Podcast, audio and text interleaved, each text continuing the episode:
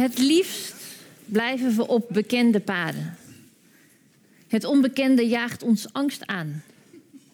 En dat is jammer, stelt theoloog Thijs Kaspers, want juist het onbekende stelt ons in staat om een nieuw licht te werpen op wat we toch al zien, op het alledaagse. En het daagt ons uit om op een nieuwe manier in het leven te staan.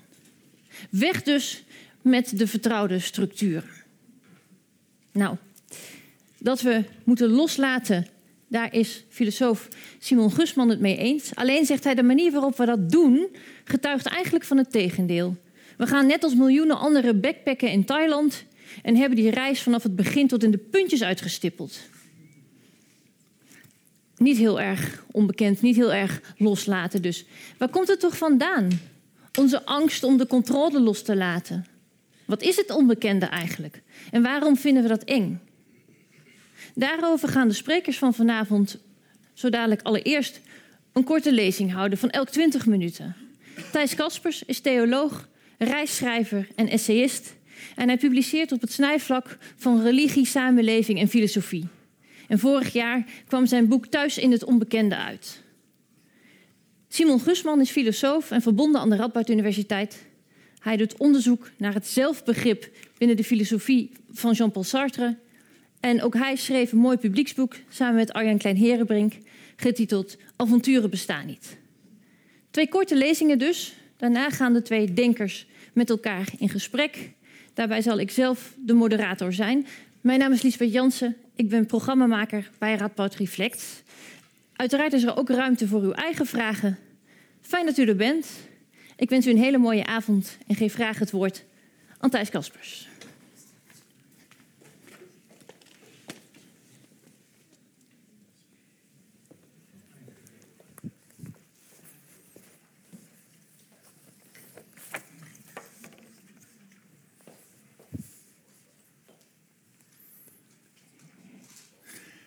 Het onderwerp van vanavond is Thuis in het onbekende.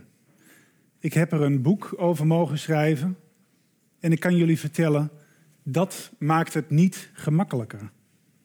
Het onbekende blijft namelijk altijd het onbekende. Het is geen bekend terrein waar je op een gegeven moment je weg wel zo ongeveer weet. Het impliceert een niet kennen, het impliceert een niet weten. Een voortdurend bewegen en afstemmen telkens weer. Om je erin thuis te weten is overgave nodig. Een durven toe te vertrouwen.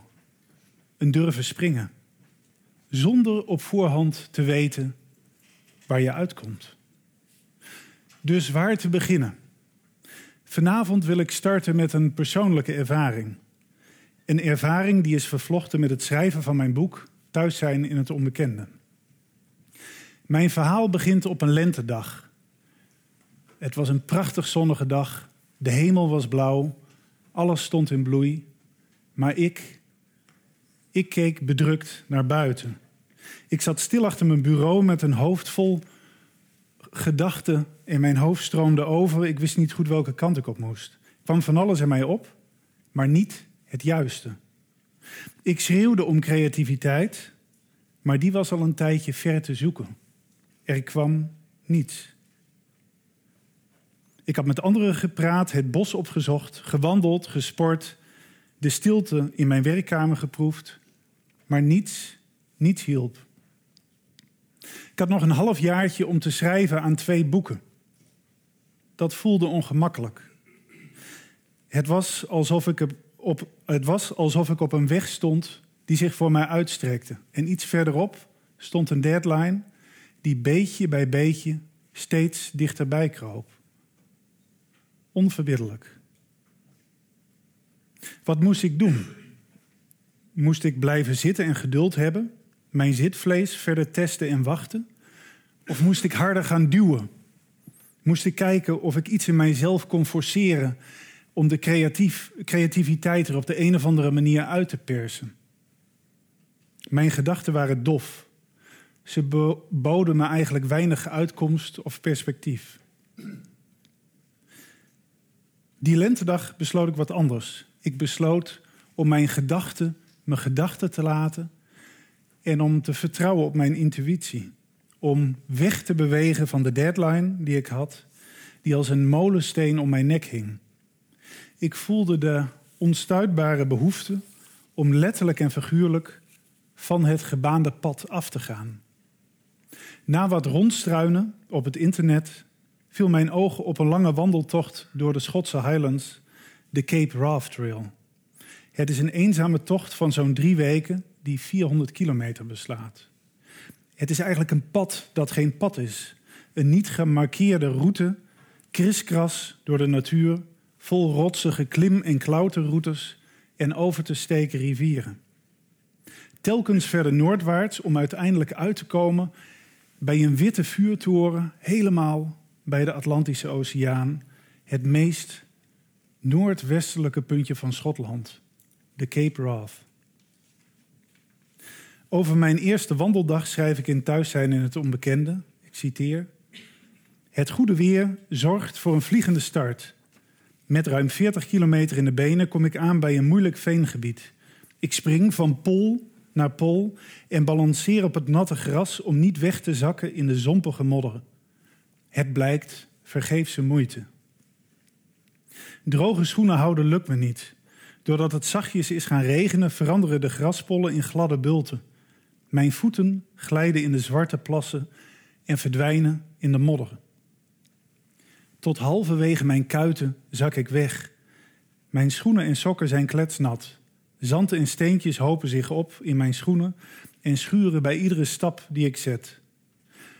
Het is een oefening in gelatenheid, zoals uit de dagen die komen gaan zal blijken.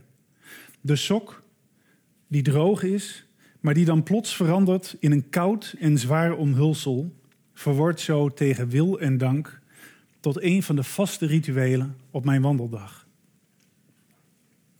Tijdens mijn tocht, die zo'n twee weken zou duren, werd voor mij alles teruggebracht tot de essentie. Hoofdzaak was het lopen zelf. Zo'n 10 tot 12 uur was ik onderweg, iedere dag. Eenmaal over waste ik mijn schoenen en mijn loopshirt om ze te laten drogen in de avondzon en de milde bries die vaak ook s'nachts aanhing. Daarna probeerde ik mijn honger te stillen, wat eigenlijk nooit echt lukte. Ik verbrandde zoveel energie dat ik in 2,5 week 8 kilo zou verliezen. En met de enkeling die ik zo onderweg tegenkwam, deelde ik het meest hoogst noodzakelijke: de schaarse informatie over weersverwachtingen en de globale route. Maar het meest essentiële was misschien wel mijn nachtrust. Na een volle dag inspanning sliep ik doorgaans als een roos. Van tevoren had ik mezelf bedacht om goed na te denken, mij te bezinnen op allerlei creatieve gedachten die me te binnen zouden schieten. Maar er gebeurde niets. Er schoot me geen gedachte te binnen. Voortdurend was ik bezig met het zetten van mijn ene voet voor de andere. Ik liep me, achteraf gezien, steeds verder naar beneden, mijn hoofd uit en mijn lichaam in. Eenmaal thuis gebeurde het. Alles begon te stromen, alsof er iets was opengegaan. De woorden stroomden eruit en schrijven kostte me geen enkele moeite meer. Er was iets doorbroken, zonder dat ik me daar in het moment zelf echt bewust van was. Wat gebeurde er met mij? Ik heb er lang over nagedacht, wat mij gebeurde of wat er aan mij gebeurde. Het heeft in ieder geval weinig te maken met een logisch pad. Want voor mij bleek de schijnbare omweg, weg van de deadline, een opening om verder te kunnen. Juist door weg te bewegen van de voor de hand liggende weg, het onbekende in, vond ik mijn weg vooruit. Aan de hand hiervan wil ik met jullie vanavond twee gedachten delen die resoneren met mijn eigen proces. De ene lijn heeft een innerlijk karakter en de andere lijn heeft een uiterlijk karakter. De eerste gedachtenlijn heeft te maken met het innerlijk weer vertrouwd raken met een ander idee van tijd en de rol die intuïtie daarbij speelt. de tweede gedachte heeft van doen met het weer vertrouwd raken met een andere manier van denken. Een oproep om van het rechte pad af te komen en om weer te leren meanderen, te verdwalen en rondzwerven. De eerste gedachtenlijn heeft, zoals gezegd, te maken met het weer vertrouwd raken met een ander idee van tijd. Om daar iets over te kunnen zeggen, is het allereerst van belang om erbij stil te staan hoe we tijd zien in onze eigen tijdse samenleving. Verreweg de meest dominante tijdsopvatting die wij kennen is de kloktijd. Toen ik hier straks binnenliep, het collegezalencompleks uh, in, hebben jullie het misschien ook wel gezien. Ik zag de Fox, het blad van de universiteit, en daar staat een student op met het hoofd, hè, met als hoofd een wekker, geheel uh, bekleed met allerlei klokjes. De kloktijd, waar ik het hier over heb. De kloktijd is de zogenaamde fysische tijd, die we vaak in onze cultuur zien als een lineair proces. Denk hierbij letterlijk aan een horloge, aan een klok hier, daar, waarbij de seconden, minuten en uren als onveranderlijke grootheden wegtikken. De uren verworden weer tot dagen, de dagen tot weken, de weken tot maanden en ga zo maar door. En de tijd verschijnt hierbij als een ordeningsprincipe met haast een mechanisch verloop. En de moderne tijd, zou ik willen zeggen, wordt geregeerd precies door dit idee van kloktijd. Met het gaan van de wekker voegen we ons in het dagelijks ritme van werk en houden we de economie op gang. Maar ook wanneer we vrije tijd hebben, dan plannen we deze in. We gaan doorgaans niet spontaan langs bij vrienden. Vaak moet naar een datum worden gezocht die niet zelden maanden in de toekomst ligt. We doen dingen dus niet meer omdat het er de juiste tijd voor is, maar omdat ze staan in onze agenda of omdat de klok het zegt. Deze tijdsopvatting vormt een breuk met hoe we het grootste deel van onze geschiedenis zijn omgegaan met tijd. De filosoof Joke Hermsen zegt hier treffend over, ik citeer, tot aan het vastleggen van het internationale eikpunt voor tijdmeting in Greenwich in 1884 bepaalde lokale, meestal op astronomische waarnemingen gebaseerde tijdsmetingen ons dagritme. Dit was een tijdsindeling die was gebaseerd op zowel de gewoontes van een gemeenschap als de wisseling van de seizoenen en de daaraan gebonden periodisering van zaaien en oogsten. De nieuwe internationale kloktijd werd als het ware over deze lokale indelingen heen gelegd, ten einde het verbindende structureringsprincipe te worden van de wereld.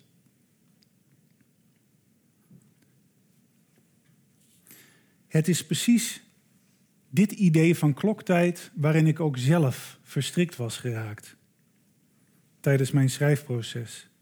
Het wegtikken van de uren en de dagen gaven me een steeds beklemmender gevoel en zetten me als het ware vast.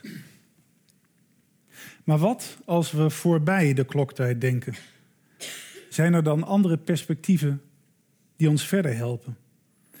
Een naar mijn idee interessante opvatting over tijd vinden we terug bij de Franse filosoof Bergson.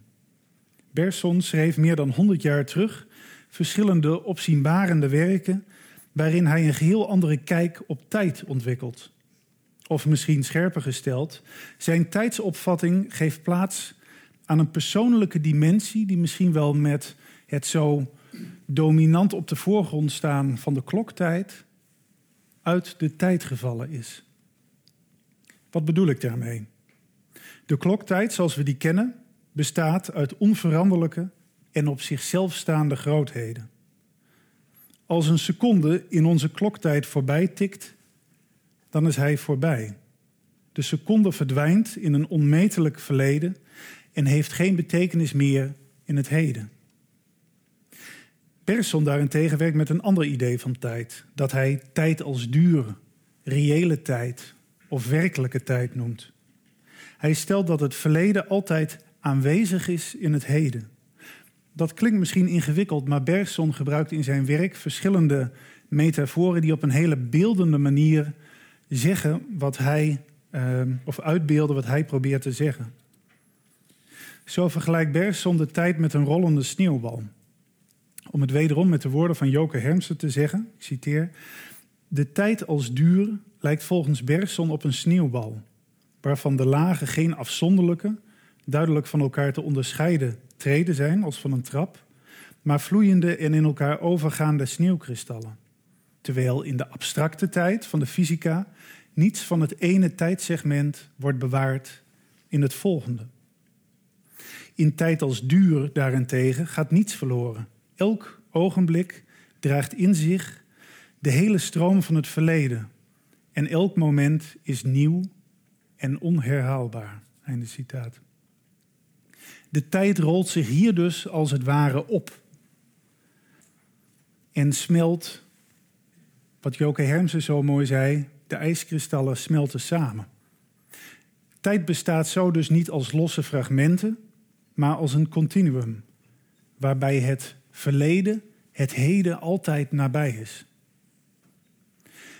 Bergson opent een besef van tijd dat meer in harmonie is met onszelf.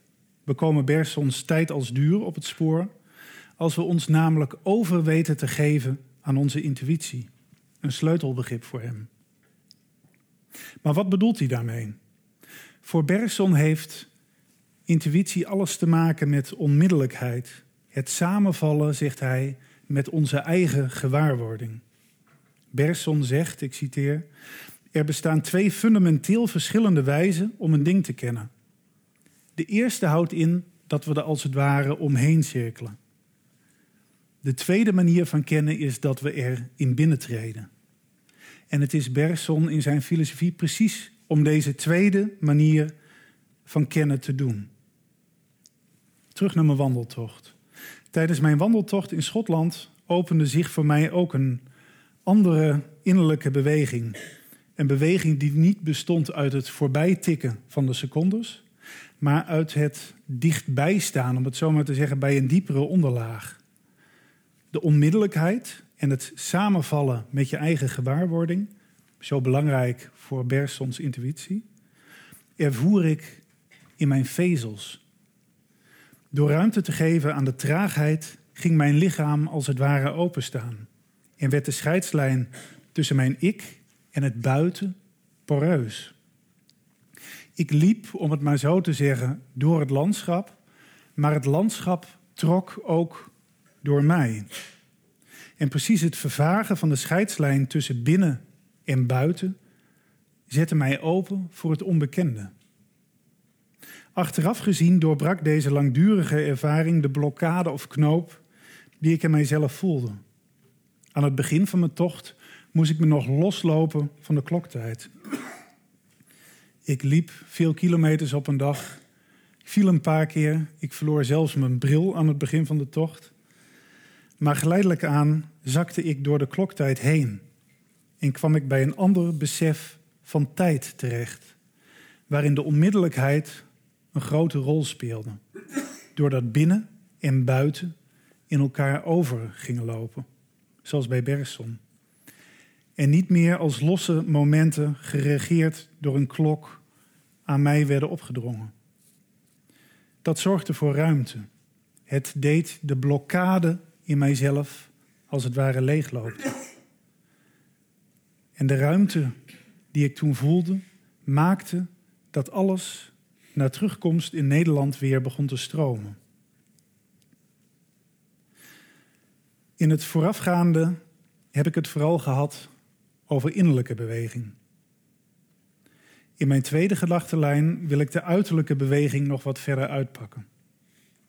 Zoals onze tijd wordt geregeerd door de klok, zo ademt onze maatschappij ook doelgerichtheid en controle. Voor alles hebben we regels, structuren, procedures en wetten. En als er iets misgaat, jij kent het vast wel, dan schreeuwen we eigenlijk om meer van hetzelfde. We zijn het totaal ontwend om van de bekende paden af te komen en vertrouwensvol te verdwalen. Maar ook om alternatieve houdingen te voelen, waarin andere beelden worden aangedragen die breken met het gangbare en ons vertrouwd maken met een andere manier van kijken. Zo'n beeld vond ik na mijn terugkomst uit Schotland in een klein boekje van Anna Non Shepherd, getiteld The Living Mountain. Deze Schotse schrijver en dichter trok een leven lang door de Cairngorms, een groot gebergte wat gelegen is in het midden van Schotland. En dat gebergte vormde voor haar een onuitputtelijke bron van inspiratie en reflectie. Toen zij op latere leeftijd de restjes van haar leven begon op te ruimen, ze was al in de tachtig, verscheen haar gedachten, verschenen haar gedachten over haar vele zwerftochten door de bergen alsnog in druk. Het boekje The Living Mountain was daarvan het resultaat.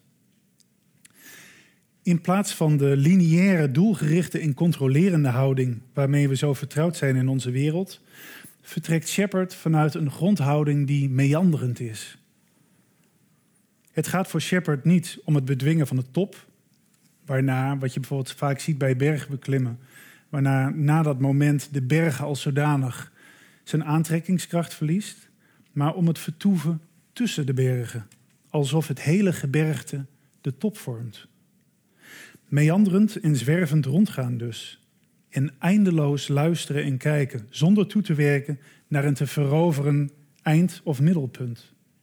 Het gaat om, zoals ik het zelf verwoord in mijn boek, Thuis zijn in het onbekende, ik citeer, een zoekende beweging die op voorhand niet weet waartoe zij leidt of waar zij uitkomt, maar wel degelijk alert is op de verscholen betekenis die zich in de zoekende beweging zelf aandient.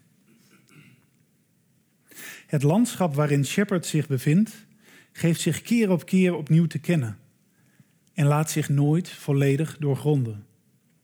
Zo schrijft ze telkens weer, zo schrijft ze dat ze telkens weer terug moet keren naar de Schotse rivier Dee. Al heeft ze het water al eindeloze malen zien stromen, het lukt haar niet om de helderheid daarvan vast te houden. Alsof de beelden te zwaar zijn om met haar mee te dragen. De terugkeer naar de rivier is voor haar noodzakelijk, omdat ze bij het aanschouwen van het water zich telkens weer opnieuw kan laten vinden door de volheid en de schoonheid van de rivier.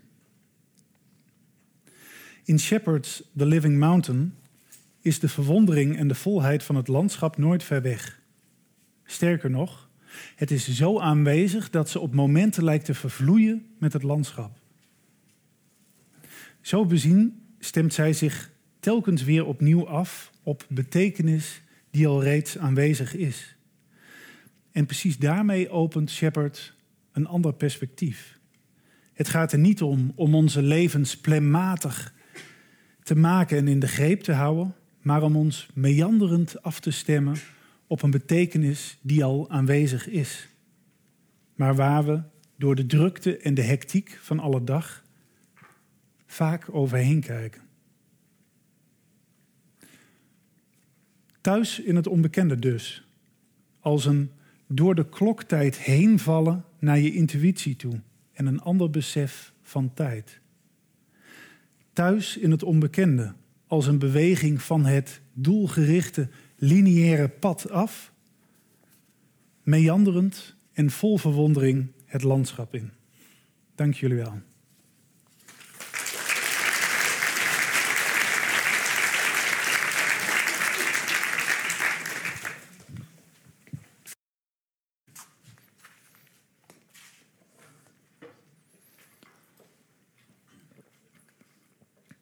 Dankjewel. Um, ja, ik wil uh, tegelijkertijd heel erg meegaan uh, met jouw verhaal. En tegelijkertijd ook al wat kritische kanttekeningen plaatsen. En die zullen inderdaad te maken hebben met het idee, een idee dat jij niet genoemd hebt, maar waarvan ik wel denk dat het ten grondslag ligt aan een heleboel van deze gedachten, namelijk het idee van avontuur. Um, het is een, een, een, bekend verhaal van in ons alledaagse leven is alles uh, aan die agenda verbonden, is alles verbonden aan uh, regeltjes, afspraken die we na moeten komen. En gaan we zo van de ene dag uh, in de ander een, een, een sleur van alledaagsheid, van iedere dag hetzelfde liedje. Dat klopt, denk ik. Tegelijkertijd is het zo dat in onze maatschappij, in onze wereld, er een ontzettende roep is naar avontuur. We willen continu, ehm, omdat dat alledaagse leven zo'n sleur met zich meebrengt, op vakantie dingen beleven, hè? verre reizen maken, festivals bezoeken, uh, noem maar op. Om maar te breken met die alledaagse sleur, bijzondere dingen mee te maken. En dan uiteindelijk terug te keren, maar dan met hernieuwde energie. Wat ik denk is dat juist de alledaagse sleur eentje is die eigenlijk heel erg structuurloos is. En dat juist het avontuur een bepaalde structuur in zich meedraagt, namelijk een bepaalde doelgerichte structuur. Misschien een andere manier van doelgerichtheid, uh, maar daar kom ik zo op terug. Het is namelijk de alledaagse sleur waarin alles altijd hetzelfde lijkt. Hè. Iedere werkdag, als je op een gegeven moment terugdenkt aan een, een, half jaar werken, dan weet je niet meer precies wat er op welke dag is gebeurd. Want die dingen die worden inwisselbaar en uh, saai en hebben daardoor weinig betekenis. Echter, als je een avontuur beleeft, dan lijkt iedere gebeurtenis in zo'n avontuur wel een bepaalde betekenis met zich mee te dragen. Voorbeeld dat jullie misschien uh, kennen is het uh, televisieprogramma Ik Vertrek. Ik weet niet of jullie daarmee bekend zijn. Dat gaat over uh, mensen die willen een bed and breakfast of iets dergelijks beginnen in het buitenland. Want hè, in Nederland is alles zo aan regeltjes gebonden en is niks meer spontaan. En dan gaan ze naar, uh, veelal naar Zuid-Europa, want daar leven de mensen nog spontaan. En daar hebben ze nog tijd voor de dingen. En dan beginnen ze daar dat bed and breakfast. En dan komen ze erachter dat de bureaucratie daar niet uh, per se minder is, meestal meer. Maar ook dat wc schoonmaken in Nederland of in Toscane nou niet per se verschillend is in hoe avontuurlijk het is. Het is gewoon werk. Het is gewoon alledaagsheid. Om, dat onderscheid tussen alledaagsheid en, en avontuur en die structuur die daarmee uh, komt kijken beter uit te leggen, is het goed om te kijken naar de structuur van een avonturenverhaal. Het is een uh, bekend verhaal, de heldenverhalen van, van mythologie en van een heleboel films gaan altijd over een uh, iemand die um, stelt niet zoveel voor, is een heel normaal alledaags iemand, maar die komt er op een gegeven moment achter dat diegene in de wieg is gelegd voor grootsere zaken in het leven. En dan gaat die persoon op avontuur. En die gaat dan altijd van de normale, alledaagse wereld naar een vreemde wereld. Van het bekende naar het onbekende. Een mythologisch verhaal is dat meestal letterlijk, hè, een soort onderwereld of een andere dimensie, uh, of uh, noem maar op. En daar is altijd een bepaald doel dat de, moet, de held moet behalen een prinses die gered moet worden, een slechterik die verslagen moet worden, een schat die gevonden moet worden, noem maar op. En uh, vervolgens is alles uh, dat de held doet in die onbekende wereld, draagt op een of andere manier bij aan het behalen van dat doel. Dus als een held iemand tegenkomt in zo'n verhaal, dan is dat nooit zomaar iemand, maar dat is iemand met informatie. Of dat is iemand die hem probeert van zijn pad af te brengen. En dan komt hij in een benarde situatie terecht. Maar dan weet hij zich dan uiteindelijk toch uit te redden. En dan komt hij zo stapje bij stapje door iedere situatie dichter bij het doel.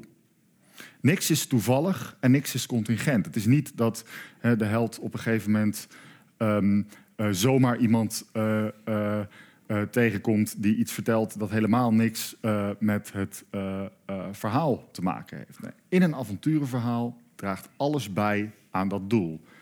En, net zo belangrijk, als het doel eenmaal behaald is, keert de held met de schat terug naar de alledaagse wereld. Terug van de onbekende wereld naar de bekende wereld. Maar is nu gegroeid als persoon en kan nu met die schat in handen een belangrijke functie in de maatschappij uh, bekleden. De held is thuis geworden in het onbekende, is hoe dat dan vaak in mythologie-studies wordt genoemd, meester van twee werelden geworden en heeft nu kennis van het onbekende die de held kan toepassen in de alledaagse wereld in zo'n verhaal zie je dus dat in de alledaagse wereld is het leven van zo'n held betekenisloos, niet noemenswaardig. Maar in het zodra het avontuur begint, zodra de onbekende wereld wordt binnengetreden, is het zo dat alle gebeurtenissen automatisch leiden tot het behalen van het doel en de terugkeer daarmee.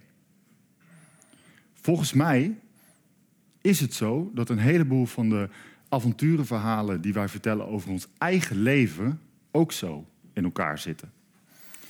Ik kan daar een aantal voorbeelden van geven. Uh, ik zal er drie geven.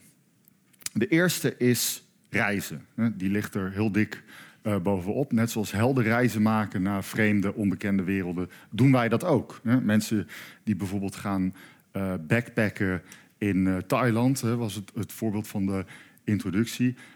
die, hè, die, die zijn de alledaagse sleur zat en dan gaan ze naar een ver oord. En dan, als ze dan terugkomen, ze vertellen daarover. Een heleboel mensen doen dat in ieder geval dan vertellen ze daar ook over alsof alles op zo'n reis leidde tot een bepaald moment van jezelf tegenkomen, zelfinzicht, wijsheid, uh, noem maar op. Bijvoorbeeld als je portemonnee gestolen wordt in Nederland, is dat gewoon vervelend. Maar als je portemonnee gestolen wordt in Thailand, dan is dat, ja, dan moest je, zat je daar in zo'n situatie en dan moest je, uh, uh, kon je geen taxi meer betalen. Dus dan moest je onbekende vragen uh, om je te helpen op reis. En was het eigenlijk een hele les dat je ook op anderen moest kunnen vertrouwen. En als je in Nederland gewoon aan het ontbijt zit, dan is dat ook gewoon betekenisloos. Maar op zo'n veroord, daar nemen de mensen echt tijd voor de dingen. En hebben ze nog een soort van authentieke uh, uh, gerechten die echt wat bijdragen, die echt betekenis hebben. Dus daar is het ook zo dat het, het, doel van zo'n reis is ja, zelf, zelfinzicht, jezelf tegenkomen. Uh, en iemand die daarover vertelt, zal daar ook over vertellen alsof alle gebeurtenissen daar ook toe leiden. Ander voorbeeld, tweede voorbeeld, is uh, het grote avontuur van de zoektocht naar ware liefde. Mensen die daarover vertellen, die hebben vaak het verhaal dat voorgaande relaties lessen zijn op, het, uh, gebied, op de zoektocht, op de reis die uiteindelijk moet leiden tot de ware. Dus bij de eerste relatie leerde ik dat ik meer tijd voor mezelf moest nemen. Uh, en uh, bij de uh, tweede relatie leerde ik dat ik minder tijd voor mezelf moest nemen. Hè. Eerst zagen we elkaar te weinig, toen te veel. En zo um, werd ik klaargestoomd voor uiteindelijk het vinden van die perfecte relatie. En daar zie je al dat het eigenlijk een, een, een rare manier van denken is. Want Natuurlijk is het zo dat je achteraf zo kan praten over die relaties alsof het lessen waren. Ik zeg niet dat je niks kan leren. Maar op het moment dat je die relatie hebt, hoop ik dat je dan in ieder geval nog denkt dat dat de ware uh, zou kunnen zijn. Er is niks in die relatie dat de soort van de doelmatigheid uh, in zich meedraagt om een les te zijn tot de ware. Dat kun je slechts achteraf zeggen. Hè? En uh, derde voorbeeld van avonturen uh, in ons eigen leven die die doelmatige structuur bij zich hebben, uh, heeft te maken met de biografieën van bekende mensen. Als we namelijk biografieën van bekende mensen lezen, dan zie je altijd een soort verhaal van bijvoorbeeld bij een beroemde muzikant. Ja, vroeger zag je het al. Vroeger zat hij altijd al op tafel te trommelen en toen zag je al dat hij een bekende muzikant zou worden. Maar dat is natuurlijk helemaal niet waar, want alle kinderen zitten op tafels te trommelen. En de meesten worden geen beroemde muzikanten. Er is niks in het getrommel dat als het ware het doel van later een beroemde muzikant worden in zich meedraagt. Hetzelfde geldt voor uh, vaak het verhaal van die bekende softwaremagnaat van Bill Gates of Steve Jobs. Die gaan allemaal naar een uh, bekende Amerikaanse school. Maar daar zijn te veel, te veel regeltjes uh, en te veel prestatiedruk. En dan droppen ze out. En dan gaan ze in de uh, garage van hun ouders aanklooien. Dan gaan ze eerst door een heel diep dal, maar dan komen ze tot een geniale ontdekking die uiteindelijk leidt tot hè, de grote rijkdom die die mensen hebben. Maar wederom, dat, er is natuurlijk niks in het stoppen met school en in het aanklooien in de garage van je ouders dat ertoe leidt dat je uiteindelijk uh, een bekende rijke softwaremagnaat wordt. Er zijn natuurlijk genoeg mensen die helemaal niet rijk worden nadat ze stoppen met school en die helemaal niet tot geniale ontdekkingen komen. Kortom, het idee van avontuur is eigenlijk dat je moet breken met alledaagsheid. En dat je dan op een soort pad komt waarin alles doelmatig is. Waarin al iets leidt tot succes of zelfinzicht of hè, uh, geluk uh, of uh, noem maar op. En dat juist die alledaagse sleur als het ware ja, betekenisloos is. Daar zijn de dingen niets noemenswaardig. Maar zodra het avontuur aanbreekt, is, worden dingen betekenisvol en leiden alle gebeurtenissen automatisch tot die doelen.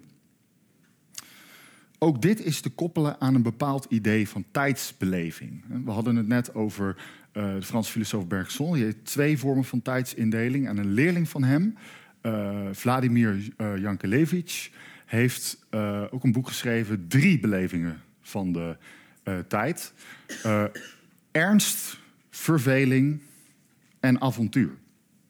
En ernst is precies dat, die tijdsbeleving waarin we alles inplannen. He, ernst is als het ware een soort helikopterperspectief boven je eigen tijd innemen en alles inkaderen en inkapselen en plannen.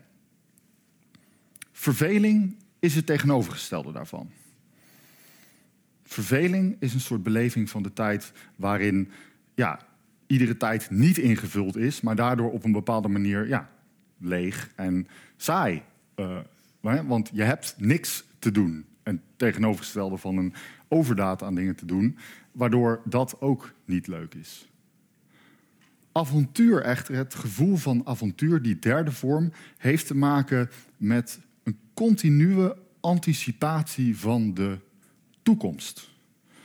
Een continue anticipatie dat er iets staat te gebeuren. Dus hè, als ik uh, op reis ga, dan heb ik hè, continu uh, het idee van achter iedere straathoek kan iets uh, bijzonders gebeuren. Op ieder moment kan er iets betekenisvols gebeuren. Terwijl als ik s ochtends naar mijn werk fiets, dan heb ik dat gevoel niet. Dan zit ik gewoon in ernst of verveling. maar in ieder geval, in een, die anticipatie van de toekomst is er niet.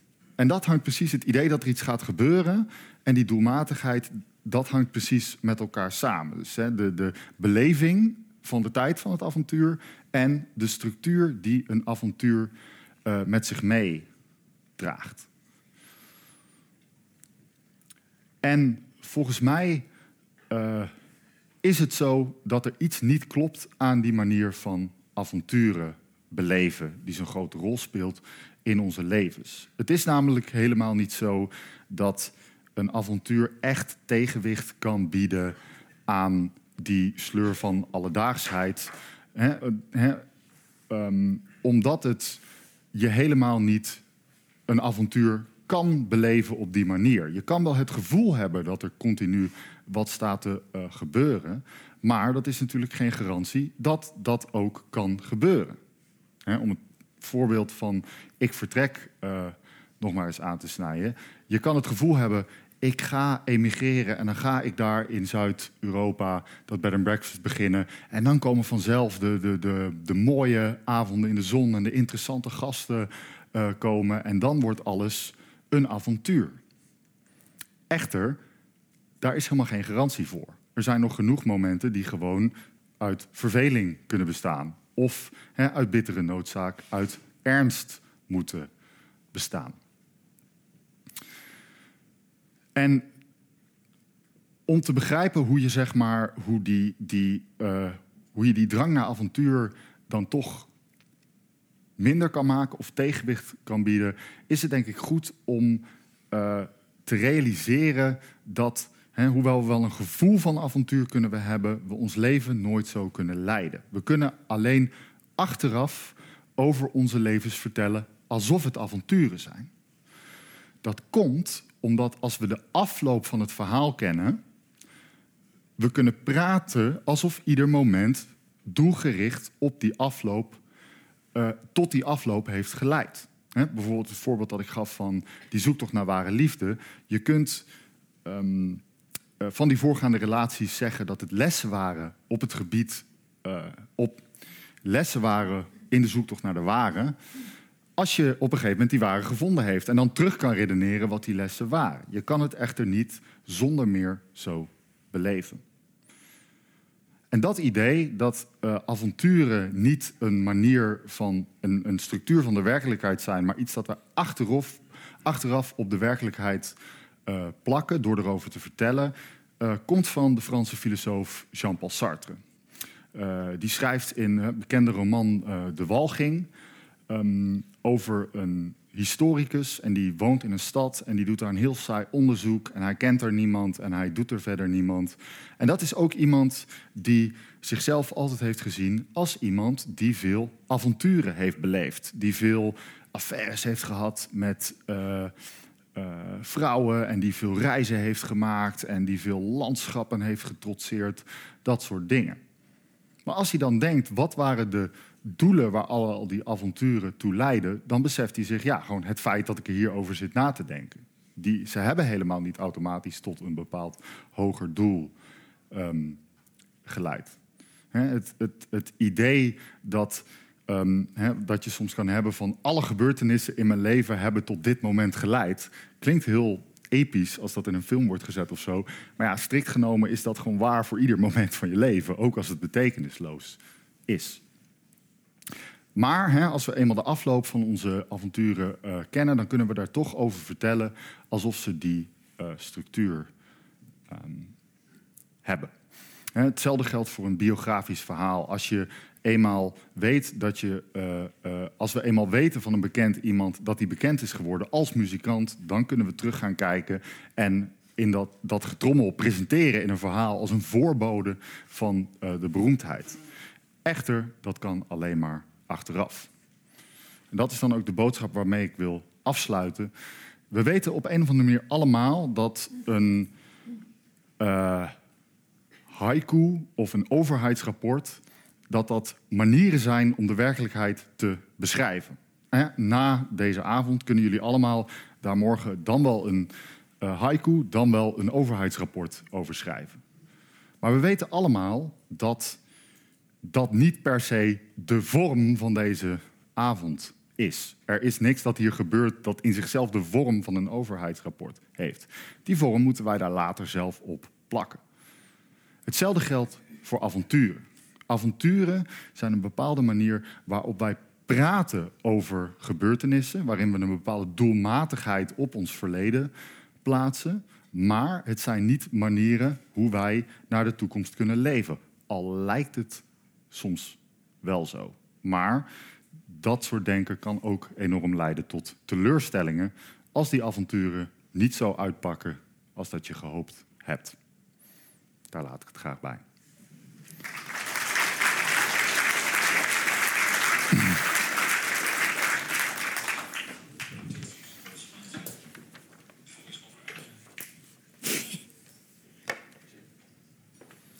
Dankjewel, Thijs en Simon voor twee mooie uh, en ook heel verschillende bijdragen. En ik denk dat ik uh, voor mijn eigen helderheid en, en misschien ook wel voor de uwe even ga beginnen met twee hele basale vragen aan jullie allebei. En dan gaan we van daaruit uh, verder het gesprek aan. Wat is voor jullie het wat is de definitie van het onbekende en wat is de betekenis daarvan? In positieve of in negatieve zin? Ik ga bij jou beginnen, want jij was als eerst. Um, nou, voor mij heeft het onbekende altijd ook iets te maken met de verwondering. Dat waar je geen uh, grip op hebt, dat wat je toevalt, dat wat je in zekere zin ook niet uh, maakt, maar wat aan je gebeurt. Uh -huh. Heel bondig. En wat is dan voor jou de rol daarvan in de samenleving? Nou, ik denk dat wij in onze samenleving continu, uh, wat Simon zei, van wanneer de de avonturier terugkomt uh, van het grote avontuur, dan is hij als het ware meester in uh, twee werelden. Uh, mijn stelling zou zijn dat we altijd um, in het slechtste geval in zoekend blijven in twee werelden. En in het mooiste geval verwonderd blijven in twee werelden. Omdat um, volgens mij de, beide, zeg maar het avontuur, maar ook het alledaagse. Ja, niet als zodanig volledig in de greep zeg maar, te houden zijn. Um, en dat wij, eh, voor mij is het onbekende dan juist een factor die we heel erg uit het oog zijn verloren in een samenleving waarin we alles willen dicht organiseren, waarin we alles willen plannen, alles willen structureren, is juist het onbekende. Eh, bijvoorbeeld ook eh, de mogelijkheid om ehm, te kunnen improviseren, eh, te vertrouwen op spontaniteit, ehm, je creatieve vermogens aanspreken. Dat zijn eigenlijk dingen die steeds meer op de achtergrond raken in onze samenleving. Ten behoeve van die eh, structuur. En juist wanneer we dat onbekende weer een grotere plek zouden geven in het, eh, ik zou zeggen, in het alledaagse. Eh, en daarmee ook in het avontuur. Hè. Dus het avontuur niet als een doelgericht avontuur met dezelfde snelheid, eigenlijk als het ware, die ook zit in ons alledaagse jagen. We moeten alles zien. Wanneer we dan op vakantie gaan, dan moeten we ook alles beleven en alles meemaken. Maar juist die vertragende factor daarin weten te brengen. Dan komen we dat onbekende en eh, dat eh, structuurloze, zoals jij aan het begin van jouw eh, lezing zei, komen we weer meer op het spoor. Ja, dus als ik je goed begrijp, is voor jou het onbekende niet zozeer een plek, maar meer een houding. Ja, klopt. Een grondhouding. Daar heeft het sterk mee te maken. Ja, Oké. Ja, ja. Ga ik dezelfde vraag nu aan jou stellen. Wat is het onbekende en wat zijn de implicaties daarvan? Ja, ik denk dat we het heel erg met elkaar eens zijn. eh, in die zin dat ik denk dat eh, als je denkt dat je, zeg maar, dat, dat, dat, dat er een soort is, dat het bekende gewoon hè, te maken heeft met alledaagse eh, routine. En dat je daar dan door, ja, het soort van de, de, buiten de baan de, de gebaande paden te treden, maar daardoor juist heel erg in een soort van clichévormen van avontuur te eh, eh, vervallen. Dat je dan met het onbekende in aanraking komt en dat je dat dan automatisch, zeg maar, eh, ehm, ja, iets, iets oplevert, dat dat heel erg fout is. Dus het idee dat je, juist het idee van ik ga op vakantie om mezelf weer op te laden voor mijn werk, is natuurlijk, heeft heel erg te maken met die, die, die ernstige beleving van de tijd waarin we alles inkapselen, zeg maar. En ook het idee van eh, ik moet op vakantie gaan, eh, want hè, ik moet een soort van persoonlijke groei in verre orde, ehm, orde doormaken, heeft ook heel erg te maken met een soort van maximalisatie van jezelf als een soort van bijna bedrijfsachtig project waarin je altijd het onderste uit de kan eh, moet halen. Ja, en waarin En je in principe dat wat je aan het doen bent instrumentaliseert, of in ieder geval het doel maakt van wat daarna volgt. Ja, Dus je gaat niet meer op reis omdat het leuk is om op reis te gaan, maar omdat je daarna rijker, eh, nou doe maar, relaxter enzovoorts terug wilt komen. Ja, en dan denk ik dat zeg maar dat, dat om heel eerlijk te zijn, dat of je dat nou doet, doet voor, je, voor je baas of voor jezelf, het, het onderliggende probleem van jezelf alleen maar zien als een soort van project dat gemaximaliseerd moet worden, blijft soort van hetzelfde onderliggende probleem. Terwijl dingen mogen ook wel eens saai en vervelend zijn, of dingen mogen als onbekend eh, eh, zijn in de zin van ook onbekend van ik weet niet waar het toe gaat leiden. En als het dan nergens toe leidt, ja, nou dat is dan ook maar zo. Snap je? Dat, dat een, eh, een oogschouw nemen dat niet alles altijd volledig betekenisvol kan zijn. Ja, sterker nog, je schrijft ergens: misschien moeten we proberen de controle lo- los te laten en te accepteren dat het leven zinloos is of doelloos is in elk geval. Ja, of kan zijn. Ja. Zou je dat onderschrijven? Het leven is zinloos? Ehm, nou ja, nee. Dat dacht ik al. We waren het zo met elkaar maar eens. het, het is wel zeg maar de, het, het eh, idee dat het alledaagse betekenisloos zou zijn of zinloos zou zijn en dat we daarvoor zeg maar weg moeten om daar iets te vinden eh, wat zeg maar ons meester maakt van twee werelden of iets oplaat. dat vind ik ook een, een idee waarin je ehm, misschien wel eerder een idee of een betekenis of een zin van een ander of van een abstracte ander probeert te leven. Wanneer je kijkt naar onze samenlevingen waarin we worden oversteld met allerlei ehm, eh, mooie ideeën of, of reclames of beelden of films of ehm, eh, de, de biografieën waar jij het net over had, Simon. Daarin hebben we een soort ehm, beeld, ideaalbeeld, wat wordt voorgespiegeld. Wat ervoor zorgt dat wij eh, wegbewegen van onszelf. En daarin eigenlijk het, misschien wel het leven van een ander een eh, tijd willen leven. Om te hopen dat we daarin iets vinden wat we op dit moment ontberen. Eh, en dat is eigenlijk precies de omgekeerde beweging als die ik bijvoorbeeld zelf had in mijn verhaal. Dat je eigenlijk als het ware in je eigen narratief door een bepaalde, in dit geval dan een bepaalde tijdsopvatting, maar dat je, in je door je eigen verhaal als het ware heen zakt en ergens uitkomt waar je op voorhand van niet had kunnen weten, zeg maar, dat je daaruit zou uh, komen. Wat betekent dat je nog steeds blijft met, met uh, of overblijft met vragen en met uh, een, ja, een milde verwondering. Um, waardoor je nog steeds geen, uh, geen meester uh, bent. Maar mm -hmm. daarin zit volgens mij wel um, een, uh, een, bepaalde zinvolheid. Al hebben we die niet. al heb je die niet zeg maar, onder controle. Het is iets wat je, wat je al struikelend zeg maar, vaak ja, vindt. Ja, maar toch heb ik het idee bij jullie allebei eigenlijk dat het onbekende nog steeds een soort van. Um, nou ja, misschien niet per se geromantiseerd, maar in ieder geval een soort van ingekaderd iets is. Uh, het onbekende, dat is ofwel een bepaalde uh, levenshouding die dan gedefinieerd is mm -hmm. tot wat dat ongeveer zou zijn. Of het onbekende is, uh, nou ja, dat, daar verzet jij je weliswaar tegen, maar is, he, je gaat ergens heen en dan ga je iets proberen te ervaren. Maar het onbekende zou natuurlijk ook gewoon kunnen zijn dat je ergens op straat overvallen wordt.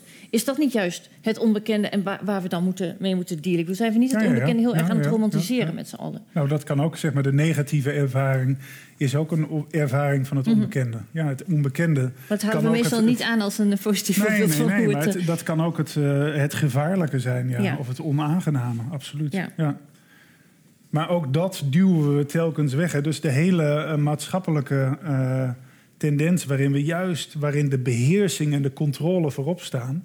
dat is een, een houding die ons eigenlijk ten diepste uh, onbekend maakt met het, uh, het onbekende in de positieve zin. Ja. Hè? Dus het echt zeg maar, uh, op reis durven te gaan. Zonder dat je op voorhand precies hebt uitgestippeld waar je naartoe gaat.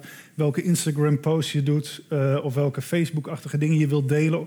In de hoop dat anderen zeg maar, een bepaald beeld van jou krijgen. Mm -hmm. Op de manier waarop je onderweg bent. Maar het kan inderdaad ook de negatieve ervaring zijn van een, een overval of een andere onaangename uh, gebeurtenis. Mhm. Maar beide hebben iets in zich um, uh, van iets wat valt buiten onze, om het maar zo te zeggen, uh, groef en continue nadruk op de beheersing en de controle.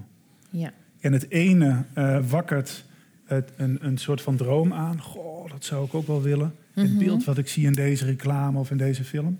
En het andere voedt een, een, een basale angst dat moeten we kosten wat kost als samenleving buitensluiten door nog meer controle, nog meer wetten, structuren, regels, wetten.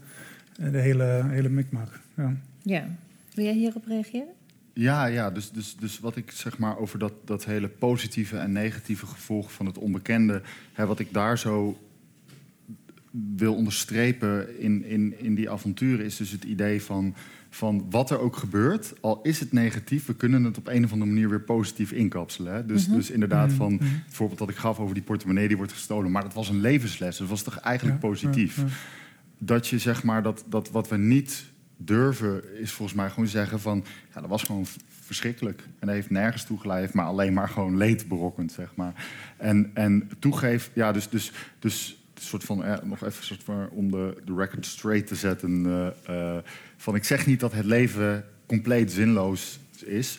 Het leven is soms zinloos. Soms zijn er gebeurtenissen die niet leiden tot een hoger doel. en die gewoon inderdaad ehm, eh, gebeuren. En ja, gewoon niet aan de betekenis van je leven toe dragen. En ik denk dat wij heel, heel bang zijn het idee, om het, het, het, het idee dat de dingen niet altijd ergens toe leiden. Hoe dat dan weer samenhangt met het onbekende kun je op twee manieren uitleggen. Dus enerzijds, we willen het onbekende inkapselen, maar daarvan kun je juist weer zeggen, en ik denk dat we het daarin heel erg met elkaar eens zijn, dan is het niet echt het onbekende. Het echte onbekende blijft onbekend en kun je daarom helemaal niet, niet inkapselen.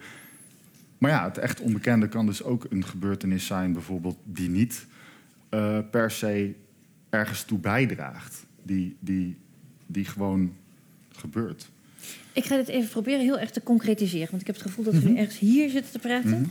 Ehm, bijvoorbeeld, eh, eh, eh, nou ja, de vluchtelingencrisis. Om maar eens iets te noemen Ja. wat volgens mij heel erg een soort confrontatie is met het onbekende op allerlei vlakken. Mhm. Hoe kan jouw pleidooi voor hè, meer je openstellen voor het onbekende en jouw idee van avonturen bestaan niet, hoe kan dat bijdragen aan een andere manier van omgaan met wat we in ons dagelijks leven tegenkomen aan wat ons vreemd is? Ehm, zal ik beginnen? Ja. Uh, nou ja, de vluchtelingencrisis, maar ook het klimaatvraagstuk, uh, denk ik, zie je eenzelfde soort uh, respons. Is dat wanneer je heel erg zit in de oplossingsgerichte modus, hè, waarin je dus in de beheersing en de controle zit, ben je continu bezig met, met maatregelen om, om het onbekende te bezweren, zeg maar, en in de greep te krijgen. En misschien dat we ook wel wanneer je, zoals je het ook uh, treffend zei, hè, in mijn optiek gaat het ook sterk om een grondhouding die, die aan, ons, aan ons doen en aan onze manier van kijken ten grondslag ligt. Wanneer we daarin, um, uh, wanneer we ons daar bewuster van zouden zijn, dan ontstaat er misschien ook meer ruimte. Waarvan, om eerst... Waarvan zouden we ons meer bewust moeten zijn? Nou, van die hele actieve respons. Hè? Dus dat we de dingen zeg maar gelijk uh, willen beheersen en mm -hmm. in willen. Dus dan, dan ja. uh, gaan we, schieten we gelijk in de oplossingsgerichte mm -hmm. modus. Um, terwijl daar tegenover, hè, wanneer je vertrekt vanuit die grondhouding, dan ontstaat er misschien ook wel eerst de ruimte. Want de ruimte, ruimte überhaupt is denk ik iets waar we ons niet zo bewust van zijn, maar die is sowieso. Um, uh, in ieder geval in het publieke debat heel erg uh, zoek. Maar wanneer je eerst uh, ruimte ervaart en begint te luisteren naar of het vluchtelingenvraagstuk of de klimaatcrisis of welk actueel en, en ongelooflijk moeilijk gebeuren dan ook. Want er is niet een eenduidige, gemakkelijke oplossing voor. Maar juist in, um, in het luisteren ook naar de veelkleurigheid van, van meningen, van beginnetjes van antwoorden daarin vind je, denk ik, zeg maar, het begin van een met elkaar gemeenschappelijk maar is er wel tijd voor? Nee, maar daar, daarvoor moet je tijd maken. Want wat, wat ik ook probeerde te zeggen, de kloktijd en de rigiditeit... -huh. waarin we niet meer luisteren naar um, dat dingen een goede...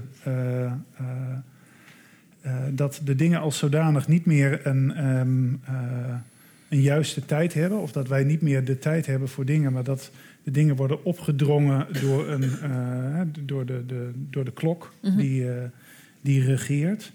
Uh, ja, daar, daarin moet je. dat moet je in eerste instantie zien voordat je het kunt veranderen. Dus nee, wanneer je continu in de laag van de kloktijd zit, nee, dan is daar geen tijd voor.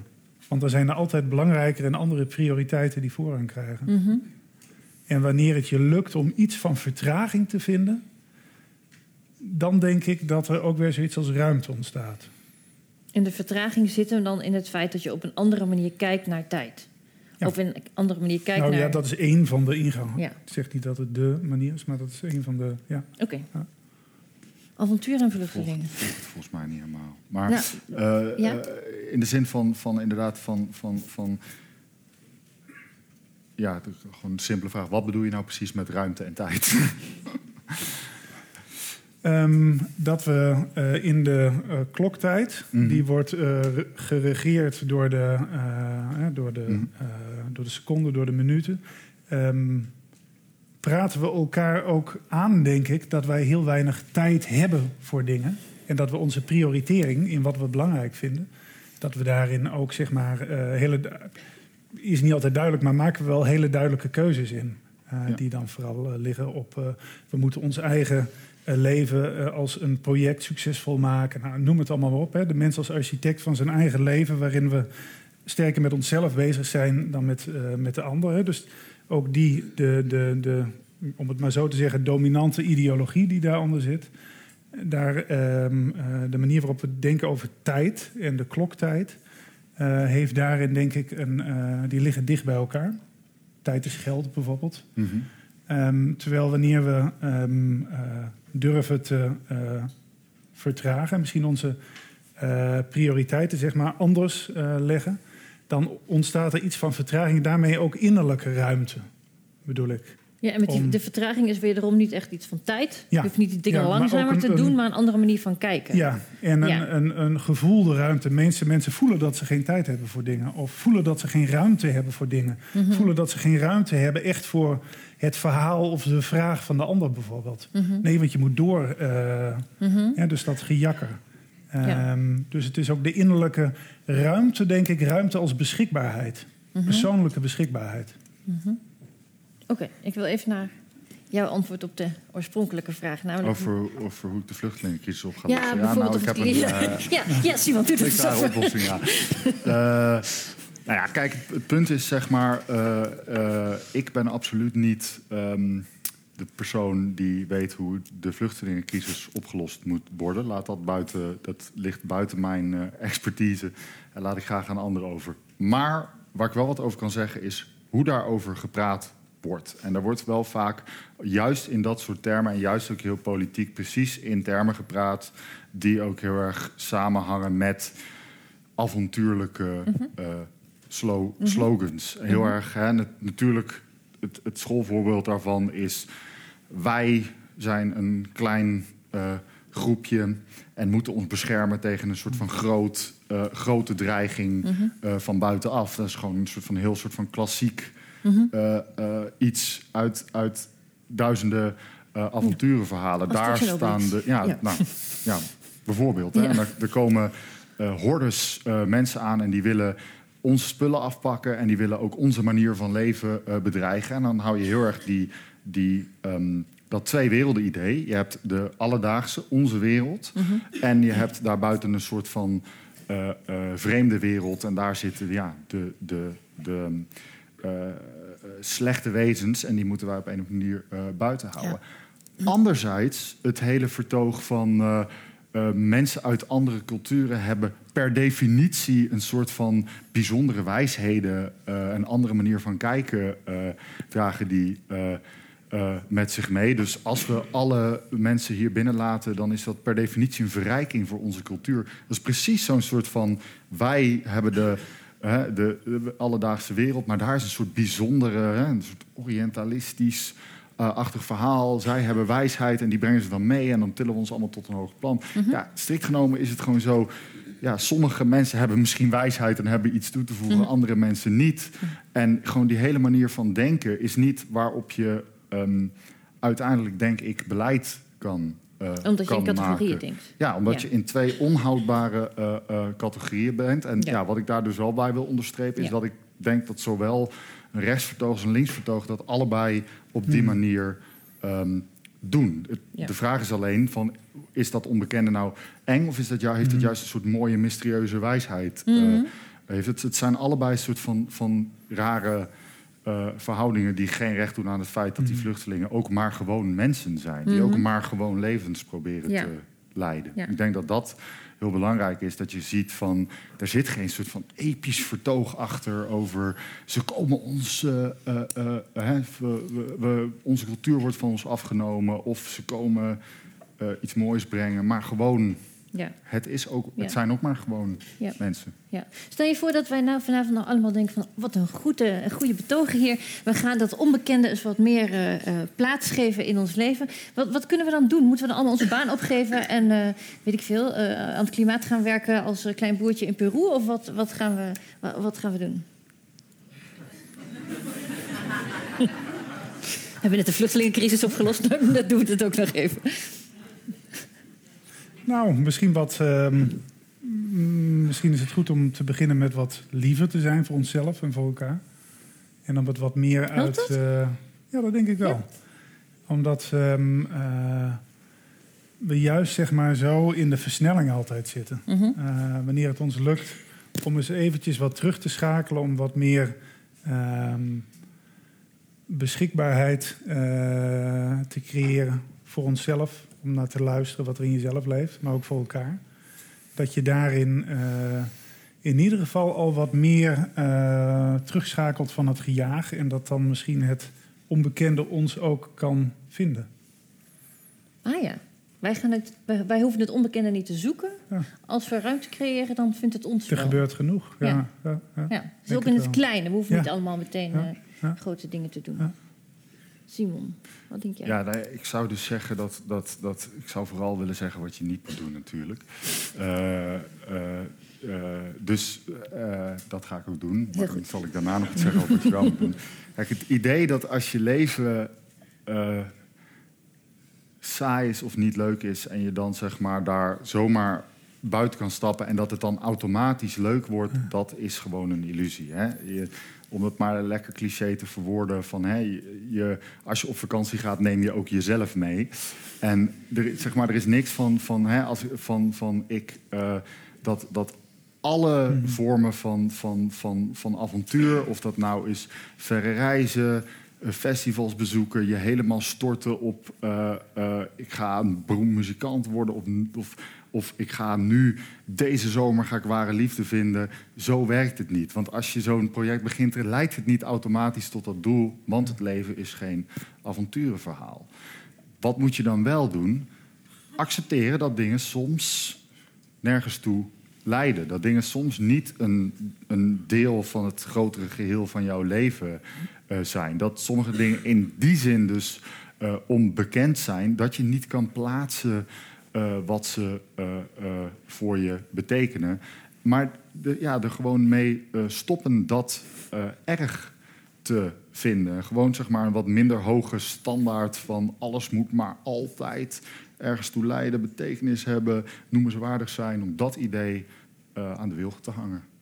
Het mag ook gewoon saai zijn soms stom en vervelend. Ja, dat, is, dat is gewoon een feit. Ja. En ja. dat is ook niet altijd een levensles of, een, of nee. iets dat tot een hoger doel nee. leidt. Of, uh, nee. Ja, dat is gewoon ja, hoe de werkelijkheid in elkaar zit. En ik denk dat dat iets is waar heel veel mensen niet mee kunnen leven op dit moment. En dat juist het idee van uh, een bepaald idee van, van uh, spontaniteit en, en, en avonturen beleven juist heel erg ja, wordt gebruikt omdat daar gewoon bedrijven kunnen er gewoon geld aan verdienen mm om jou het idee te geven dat je dan uh, je leven betekenisvol kan geven doordat zij jou die, die, die reizen en, en, en weet ik veel wat aan kunnen of bieden. Is dat voor jou geen voorbeeld van?